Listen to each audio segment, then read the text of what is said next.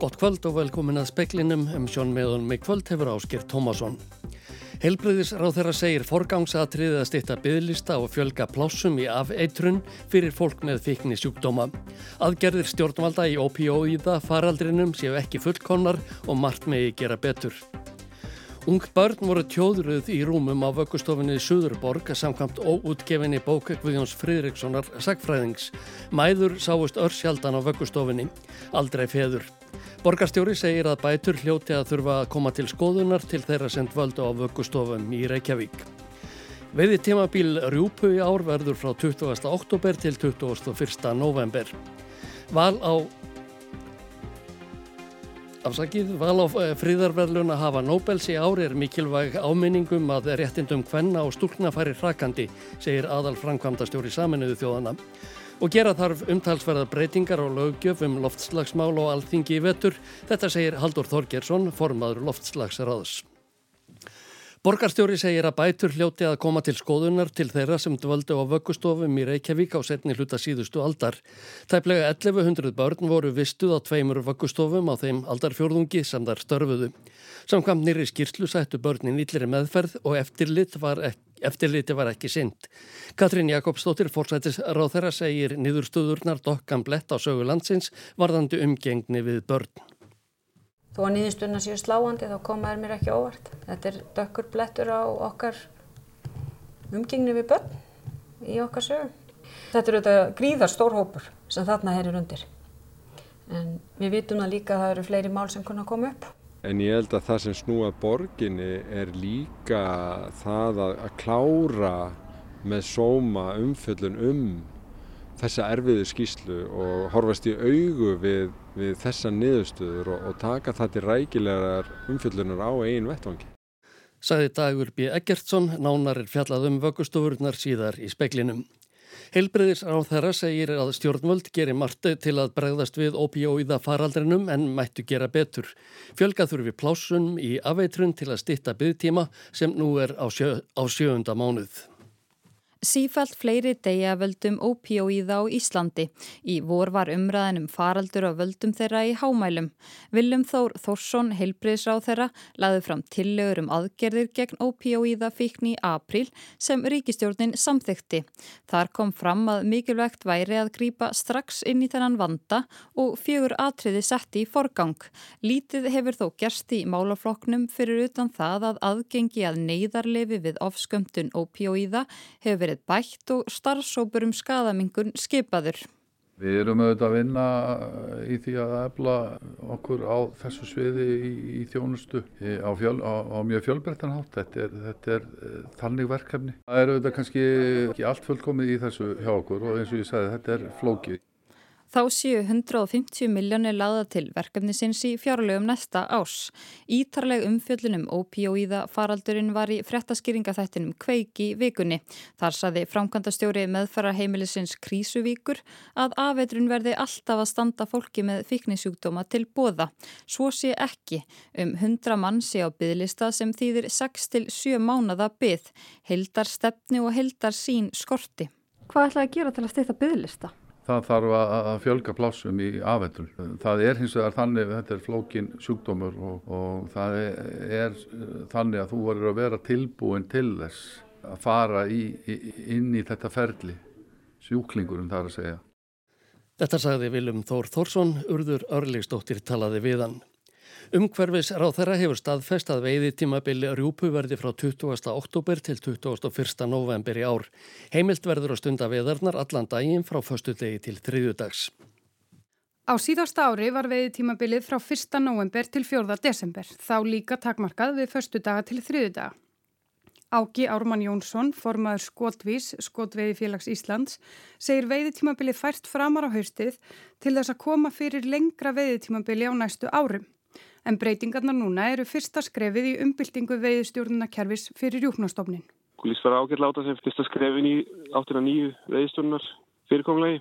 Hvort fannst það kannski vera heldur hóvært veiðstjórnarmarkmið núna í er kannski að sjá 30 daga en við erum alveg sáttu við þetta 25 daga núna því að það var viðkominn brestur á Norðurslandi núna í, í sumar.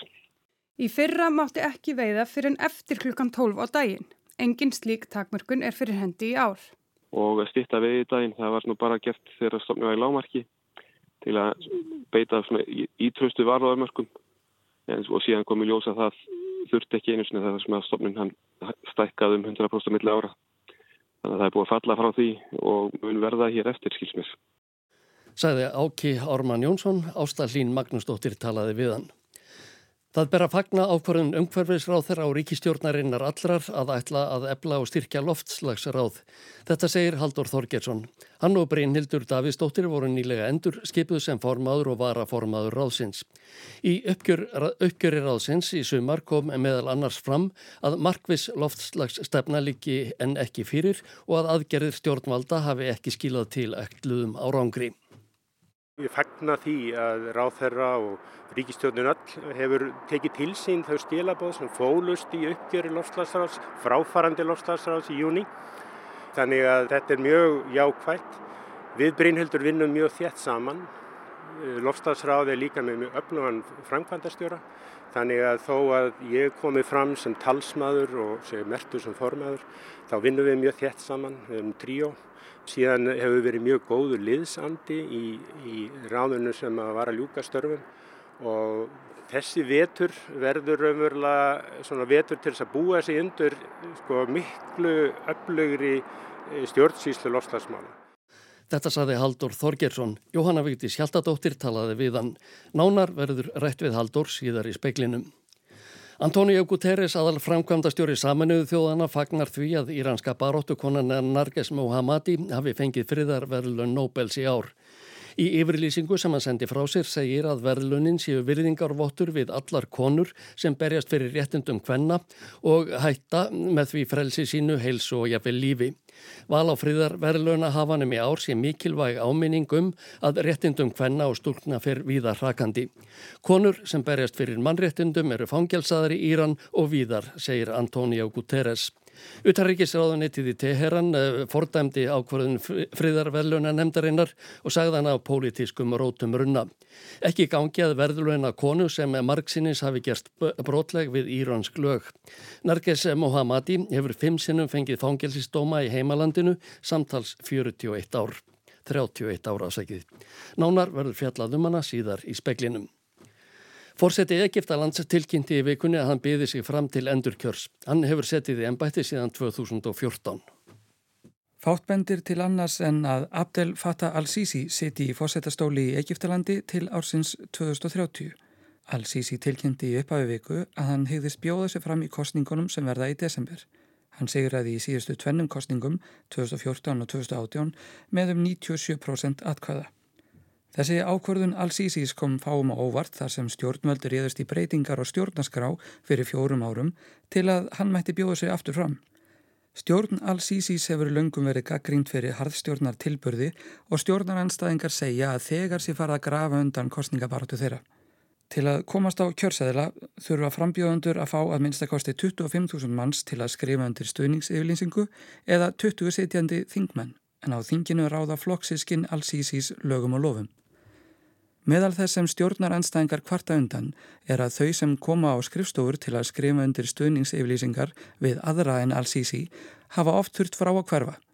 Þá er því bórið við að tölvukerfi leikið niðri, viðkomandi þurfa að koma setna eða jafnvel skrá sig annar staðar. Einnig hefur orðið vart við ofsóknir og jafnvel árásir í gard stjórnar anstæðinga.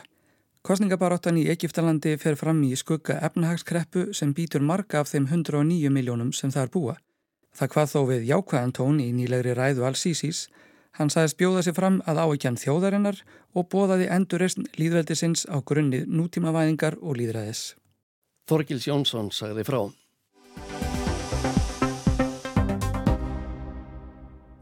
Ung börn voru bundin í rúmum sínum af aukustofunni Suðurborg sem starrætt var í Reykjavíkum miðja síðustu öld. Frá þessu segir í æfisögu Elinar Torfadóttur Fóstru sem Guðjón Fridriksson, sagfræðingur, vittnar til í óutgefinni bók sinni. Fátakt setti marksitt á líf barna efnalítilla á árunum eftir stríð. Það var náttúrulega alveg óskaplega mikil húsnæðisvandrað í Reykjavík og það var nú lítið byggt á strísárunum og, og fólk hafi streymt til borgarinnar sko að því að það var meiri vinn að hafa þar, það var nú meiri hluti setulísins alltaf í Reykjavík og og það var það að láta sér linda eins og hafði hún reyndar verið sko framann á öldinni lengst af. Margir að vera einhverjum hérna, húskofum. Og svo þegar náttúrulega fór að fækka í herliðin og það fór á endanum þá náttúrulega losnið allir þessi brakkar og þeir bara fyltust af þessu fólki og þeir voru náttúrulega ákaflega mismunandi húsakynna þessi brakkar og sem er náttúrulega mjög lélegir og það voru úti kamrar og alltaf þetta tala um klóög sko og það sem var nú kannski ennþá verra að það var litið svolítið niður á þetta fólk sem var í bröggum og, og mér skilst þetta að veri þannig í skólum gætnana þessi krakka lendi í tossabrekkjum og var litið niður að og ég vil kennararnir niðurlæðið þau sko. Þetta var náttúrulega svona ekki bara fátætt heldur líka svona ytri skilirðin voru fyrir þetta fólk sem bjóði þessar aðstæður þau voru náttúrulega mjög slæm. Já. Og svo þar auki sko þá flyktust konur sem hefði átt börn í lausa leik eða í staðmaður, þær fóru ekki aðnað til Reykjavíkur, það, þeim var betur vært þar, þær hörfu kannski meirinn í fjöldan þar heldur en það sem að byggja út á landi. Þannig það var miklu hærra hlutvarslega af einstæður maður með Reykjavík heldur en út á landi. Og þá komum við með þetta því að margar þessara maðura höfðu ekki enga vistun fyrir börnin sem. Nei, nei, það voru náttúrulega sko Vatnaheimili kominn og þau voru einungis fyrir fólk sem átti erfileikum, veikindum eða fátækt. Það var svo takkmarkaði fjöldi sem að komst í þau og ég veit til dæmis að móði mín þegar hún var að skamma mig sko að þá hótaði hún að senda mig á badnaheimili eða ég var ekki þægur sko. Þetta var álitið á, á badnaheimilum þessum tíma. Það vil þannig til, Guðjón, og þú vart að skrifa bók um börn, bókina Börn í Reykjavík sem kemur út í vor. Já. Þar fjallar um vöggustofur. Sýnist þér að vöggustofur á þessum tíma, þær hafi svona heilt yfir verið með svipuðu móti og þessar vöggustofur á hlýðarenda og, og vöggustofa Torvaldsens félagsins? Ég held að sko það byrtist frásögn að vöggustofun í Tjarnaborg í vikunni, ég held að veri 41 eða 2, 42 líklega og það er fullt af myndum sem að fylgir þeirri grein og þau er að leika sér að leikfengum, köpum og öðru sem ekki var leift hlýðarenda og þannig að mér sýnist að það hafi nú ekki verið einn sterilt sko andrúsloftið þar eins og var þessum, þessum vöggustofun sem að, þessi skíslafjallarum sem hefur verið fjallum núna sko. Elin Torfadóttir uh, lýsir í æfisögu sinni og þú veitnar til í þinni bók aðstæðum á vöggustofunni Söðurborg sem að þar var hún starfaði þegar hún var fóstrunemi. Já, þetta voru náttúrulega alls ófullnægjandi húsakinni, þetta voru tvær stofur. Þarna lágu 20 unga börn í hreinum kvítum rúmum. Við starfstúlkunar skiptum á þeim, böðum þau, gáum þeim að borða, hugguðum þau og synduðum eins og við gátum. Það náttuðu heima. Ör sjaldan sást móðir, aldrei fadir. Á fyrstu mánuðum lífsins voru börnin höfði í rimlarúmum. 15 voru í stofu sem rúmaði ekkert annað. Þau eldri voru í annari stofu þar sem voru sundur dregin rúm og engar grindur til að varna falli tækist þeim að standa upp. Til að koma í vegfyrir að þau fjallu úr rúmunum voru þau höfð í nokkskona koti og strengur var settur undir dínuna þannig að þau gáttu bröldum en ekki staðið upp án hjálpar. Í þessu fólst vissulega öryggi en heldur var þetta dapurlega sjón og þau voru eiginlega tjóðruð eldri börni nýri rúmin til þess að þau detti ekki út úr rúmunum. Yngstu börni voru í reymlarúmum. Ég býst að þetta hafa nú verið svolítið andað þess sem að verið að lýsa þarna því sem síðar kom. Þetta er náttúrulega alveg hryggalegt í raun og veru. Ég held sko að þessar vöggustofur þarna við langkváldsvegin, sko það voru náttúrulega bara læknar og hjóknar fólk sem að önnust, það er ekki fóstrur, uppeldisfræðingar eða sálfræðingar eða neitt slíkt sko það var gríðaljú sóðaskapir í, bara á Íslandi hérna 19. öld og langt fram til 20. öld og læknar sem að komu frá námi Erlendis, þeir voru náttúrulega búin að læra um síklaheimin og hvað þetta tengdist alls konar veikindum og þeir sem sagt háfu alveg gríðarlega baráttu fyrir því að auknu seinlæti var nú náttúrulega tölvert ágengt. Ég held jáfnvel að þessa vöggustofur hafi verið svona bara að það hefði kúlmínir að þessi, þessi baráttar fyrir hreinlæti því að það var, vöggustofuna voru algjörlega döð hreinsaðar. Það má, bönni mátti ekki eins og vera með leik, leikfung og mátti ekki hitta mæðu sínar og þær eru að horfa á því gegnum gler og þetta var eiginlega svona sko kulmineraði þarna þessi baráta í þessum öfgum. En það, en það var ekkert verið að hugsa um andlegu hliðin á börnunum, það var bara reynlætið raun og vera. Já, þannig að út af við leiði þetta vel út. Þetta leiði mjög vel út af við. Þótti alveg til fyrirmyndar örglega, en, það var það náttúrulega ekki. Það kemur fram í, í þinni bók að afstáða til allúta við börn. Svona ef mæður væri eitthvað að kissa þau og kjassa, þá væru þær bara alveg mannesku sem að væri óhæf til lífsbaráttunar. Mæður vita ekki að þegar þær kissa börn sín, hampa þeim, rugga þeim, kjassa þau og horsa þeim á knísjér, er þær smám saman að móta mann sem er öldungis óhæfur til lífsbaráttunar er býður hans í heiminum. Þetta var nú bandarískur sálfræðingur, Watson héttan, Jóbi Watson. Hann gaf út bók 1928 um barnauppeldi. Þetta var svona eitthvað samkefnis samfélag sem maður var að hugsa um. Og ég hugsa að þetta hafi haft vel verið áhrif hérna meðalans á Íslandi og meðalans kannski starfrækslu þessara vöggustofa. En uh, það voru konar allt aðra kenningar þarna bara strax upp úr stríði sko og Svo Valborg Sigurðardóttir sem er fyrsti skólastjóri Pósturskólan sem að, að stofna 1946 að hún var með alltara hugmyndir og, og fordæmdi þetta algjörsanlega. Hún taldi einmitt mikilvægt að veita börnunum mikla ástúð í uppeldi. Var mikið um, og það kemur svolítið fram í þessari skýrslu að það hafi verið erfitt að finna samastað fyrir munaðalös börn í Reykjavík. Já, auðvitað var það. Það var nú ekki ráðið fyrr, það var reynd að koma upp í sveit. Þetta, þessi munaðalösu börn Mér þetta kemur bara til af því að fólk dó yngra eða fólk hafði ekki ráðaði að... Já, já, það var allt mögulegt. Það var náttúrulega gríðarlega mikil, bara sjómenn til dæmis fórust svo gríðarlega mikil og já, og svo voru náttúrulega berkladnir og veikindi og allt mögulegt sem að allir því að börn er í munarlaus en oft var þetta nú bara vegna þess að fóreldrarnir eða mæðuna gátt ekki annars börnina þannig að þau það eru þetta að gefa þig frá sér með einhverjum hætti, þeir voru náttúrulega ætlit mér skilst nú að þannig á þessum vöggustofum í lang, langkólsveg hafa nú verið bara nánast eins og fólk bara komið á valis í börn og skilaði með afturðinni líka ekki við þau Þetta var Guðjón Freyðriksson sakfræðingur, Ragnhildur Tólasíus rætti við hann. Anna Kristín Jónsdóttir og Andri Irkil Valsson lásur brott úr bók Guðjóns Börn í Reykjavík sem kemur út á sumardaginn fyrsta.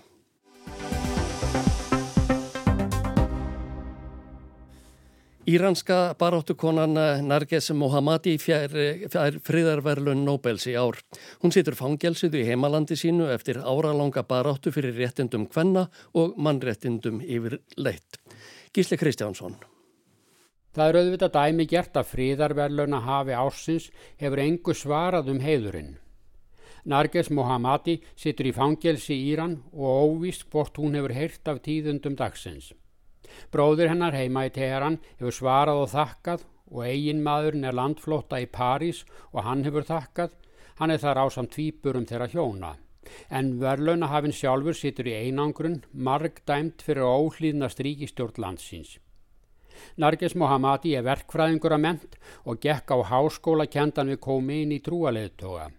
Eitthvað hefur trúarleg skólun þar þó misfarist því nú er liðin 25 ár frá því að Narges var fyrst handtekinn fyrir að andmæla stjórnvöldum landsins.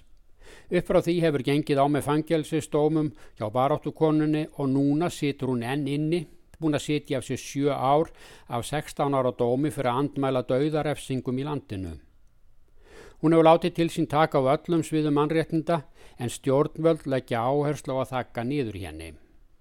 Berit Reis Andersen, formaður Nobels nefnda norska stórþingsins, lísti stöðun Arges svo þegar tilkynnt var um velunin í morgun.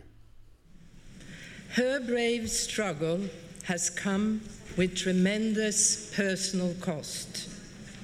Altogether, the regime has arrested her 13 times, convicted her five times, and sentenced her to a total of of 31 years in prison and 154 Barátta hennar hefur verið dýrkjeft Yfirvöld hafa látið handtaka hana 13 sinnum, dæmana 5 sinnum í alls 31 ás fangelsi og í allt í 154 vandarhaug. Verlaunin eru tilenguð baráttu fólki fyrir mannréttindum í Íran. Nagres tilheri mannreitnaðsamtökum sem berjast undir kjörorðinu konur, líf og frelsi. Fórseti samtakana er Sýrin Ebati sem hlaut fríðarvelunin fyrir 20 árum en hefur síðustu ár setið í útlegð í Lundunum. Hér er því um að reyða langvarandi baráttu sem enn á ný hefur vakið aðtikla á síðustu mánuðum. Íranska síðalaureglan reynar að halda upp í aga í landinu, trúarlegum reglum um höfuðbúnað hvenna er fylta eftir að hörku og hefur kostað mannslíf. Ung kona að nafni Jína Masja Amini lést í haldi lauröklu í september á liðnu ári sökuðum að ganga ber höfðuð utan dýra. Þetta vil eitt til fjölda mótmæla í Íran, yfirvöld hafa brugðist við með handtökum, mandrápum og linnlestingum. Konur sæta ofsóknun, fólk er tekið af lífi og tjáningarfrelsið er skert. Þarna kemur kjörorðið konur, líf og frelsi. Óvisa um hvernig heilsun Arges er hátt að núna, hún hefur áður veikst vegna íllrar meðferðar í fangelsi og óvís hvort fríðarvelu Nobels breyti nokkru um stöðu hennar. Bróðir hennar segir að staðan geti þó ekki versnað, hún situr einangrið í fangelsi og áttur að afplána mörg ár af síðasta dómi. Undanfærin ár þegar fríðarverlunin hafa verið tengd mannréttindabaráttu hafa verluna hafar ímist verið reknir úr löndum sínum eða fangjálsaðir hafi þeir ekki setið inni fyrir. Því er óvist til hvaða bragða yfirvöldi Íran grýpa núna. Í Teheran hefur tíðindum af fríðarverlununum verið tekið með þögninni einni.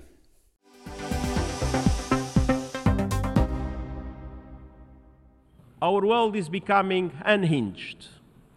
Geopolitical tensions are rising. Global challenges are mounting. Heimurinn er að verða óáreðanlegur. Spenna eikst í samskiptum þjóða, nattræn vandamál hrannastu og við virðumst ekki vera færum að ná saman til að breðast við. Þetta saði Antonio Guterres framkvæmdastjóri saminuði þjóðana á allsherjaþinginu og dögunum. Það var þungt í honum en það var hann ekki sísta vísa til hlínandi loftslags og hamfarana sem þegar dinja á borgurum vegna þess. Hann krafði þjóðarleðtoga um skilvirkara aðgerðir gegn loftstagsbreytingum að klopningur væri djúpur og fyrir sumar talaði hann um nattræna steknun en ekki línun. Haldur Þorgesson formaði loftslagsráðs segist vera bjart sínismadur af ásetningi annars myndan ekki geta starfaði í loftslagsmálum en hann tekur undir með framkvæmdastjóranum um sundrunguna. Á sama tíma er öllum ljóst að hætturnar er að koma svo miklu skýrar í ljós. Þannig að heimsamfélagið er ekki með þessari sundrung að takast á við þetta vandamál. En hvernig er hægt að bregðast við því? Sko það liggur alveg ljóst fyrir hvað þarf að gera. Það vitað allir. Það skilja allir vandamálið, lausnirna liggja fyrir. Eh, það sem að það núna tryggja er að svo eining sem myndaðist 2015 í París byggist upp aftur. Eh, vegna þess að þess, þetta viðfónsefni er nattrænt og verður einingis leist með nattrænu viðbröðum og þess vegna skiptir raunverulega svona samstaða og, og stefnufesta miklu meira máli í þessu heldur nokkur öðru. Þú breytir ekki orkukerfum á einni nóttu uh, og þess vegna þarf að finna leið til þess að takast á við lofslagsvandan þó að ófríðar ástand ríki í heiminum. Hvar er sundrungin mest? Sko, ef maður hugsa um aðeldaríkja þing lofslagssamningsins og flestir heyra bara að tala um COP, COP28. Það þýðir það að aðeldaríki lofslagssamningsins og síðan Parísasamningsins eru að koma saman í 28. sinn. Þetta er mjög lögformlegur ferill og þarna eru teknar ákvarðanir sem snúa að framkvæmt þessa alltfjóða samnings og þess vegna er þetta formlegt þing og þingsköp sem að stjórna því hvernig ákvarðinu eru teknar, er krefjast trösts meðal aðila og það tröst er ekki til staðar í dag. En hverju viltu helst sjá að COP28 núna í lóknóðumbur skili? COP28 þarf raunverulega byggja aftur upp trú almennings á því að þjóðirjarðanar séu tilbúinir að takast á við þessa óg og opna leiðina að þessu miklu tækifærum sem felast í hreinni þróun. Hingað heim þarf að skerpa betur á aðgerðum stjórnvalda hér á landi? Sko það er ekki bara stjórnvald sem eru í aðgerðum. Þjóðin all þarf að skerpa á hvernig við tökum á málunum. Stjórnvölda sjálfur sér hafa mjög sérstatt hlutverk og þeirra hlutverk er fyrst og fremst að marka heldarstefnuna, setja viðmiðin og tryggja að laga umgjörðin sé þannig að aðilar tristir sér og það sé fyrir sjáanleiki þannig að aðilar tristir sér til þess að fjárfesta. Geti reiknað arðsemi fjárfestingar fram í tíman. Í dag hefur þessu verið svolítið stjórnað frá svona ári til árs. Það þarf miklu meiri samfellu í þetta og þess vegna þarf umverulega þingheimur allur að saminast um hvað á að gera. Stjórnvöld hér á landa hafa sett sér mjög háleit markmið í bæði losun og orkuskiptum. Sér þið fyrir þeirra þau náist? Lofstafsáð hefur bent á það og það er óumdilt að við erum ekki á réttir leið. Við erum, erum ekki að fara nægilega hratt þanga sem við þurfum að komast. Þannig að það er aflega ljóst að við þurfum að gefa í. En við gefum ekki í með því að ykkur negin að fara á taugum. við þurfum að halda þessari stefnu en við þurfum að fara að takast á í miklu fleiri hluti. Við höfum verið að takast á, jú, við orgu skipti í, í, á vegum landsins þegar það kemur á, á litlum bílum og fótspílum. Það er svona aðeins að byrja með stærri bíla. Það er feikilega mikill vilji meðal til dæmis þeirra sem er að sækja sjóin eða þeirra sem er að flytja aðfeng til landsins með skipum að búa sig undir þessa framtíð og það var mjög jákvægt samtal á síðasta ári við atvinnulífið. Nú þarf að tengja þetta saman, atvinnulífið og fjárfestana og stjórnvöld fyrir að vera þarna svona umgjör utan þetta og tryggja það að það sé tröst meðal aðila því að nú þurfum við að ráðast í mikla fjárfestingar. Þetta eru arðsöymar fjárfestingar en þú þarf að, það þarf að vera nægilegt tröst til þess að nú fari hlutinir að gerast. Svíjar og brettar hafa hægt á sínum markmiðum. Gæti Ísland staði frammi fyrir já, sömu stöðu? Það er ákveðin mískilingur í raunverulega hvað er í gangi. Eðlilega þá horfir fólk á svolítið yfirborðið í lofslagsstefnu ríkja. Ríki hafa kannski talið sér geta komist á ákveðin stað á ákveðin tíma. Það er líka hefð, pólitísk hefð í Evrópu að vera með miklar yfirlýsingar og lofvörð. Það sem er bara hreinlega að koma í ljós að þegar þú tekst á við verkefnið þá gerur þeir grein fyrir því að þetta er mjög stórt verkefni og, og þetta er mjög spennandi og djúpstæða breytingar og uh, það sem er hins vegar mjög áhugavert að sjá er hvernig raun hagkerfið hefur brugðist við í, þessum löndum vegna þess að þetta er svo miklu dýrara að fara í umskipti ef að stefnuföstuna vanda og þess vegna skiptir svo miklu þessi og þetta hefur lofstans að kallað eftir að það þurfa að vera skýr sín og skýr stefna. Það er einhverju kjörni fulltrúar sem geta sett á stefnu. Síðan eru aðgerða sjálfar. Það er þjóðin öll atvinnulífið. En eftir Bjart síðan á að Ísland náði markmiðum sínum til dæmis í að skipta verið rammarspila? Ég væri ekki í lofstafsmálum ef ég væri ekki Bjart en, en það að vera Bjart er ásetningur og ef þú trúur á framtíðina þá grýpur þú til aðgerða sem að tryggja að þú komist hanga sem þú vilt komast. Þessi vetur verður raunverulega svona vetur til þess að búa sig undur sko, miklu öflugri stjórnsýslu lofslagsmála. Lofslagsráð er bara einn þáttur í þeim kaðli og það er verið að breyta stopnana uppbyggingunni, það þarf að gera umtalsverða breytingar á löggefum lofslagsmál á yfirstandandi þingi.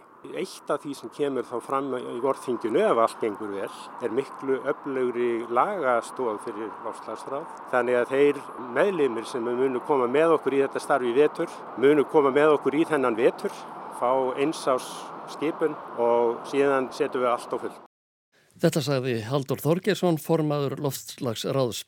Jóhanna Vítis Hjaltadóttir talaði við hann. Ragnhildur Torlasíus tók saman. Veðurhorfur næsta sólaring. Það gengur í söðvestan stinningsskólu eða kalda í fyrramálið en stinningskaldi um norðvestanvert landið. Skíjað og dáli til væta um vestanvert landið en að mestu bjart austantil. Svalt verður í veðri. Fleira er ekki speiklinum í kvöld. Tæknimaður var Mark Eldred. Frett átsendingu stjórnaði valgerður Þorsteinstóttir. Frettir verða næst sagðar í sjónvarpi og á rást 2 klukkan 7. Útvarpsfrettir klukkan 10 og frettir eru uppfærðar á vefnum allan sólaringin. Verðið sæl og góða helgi.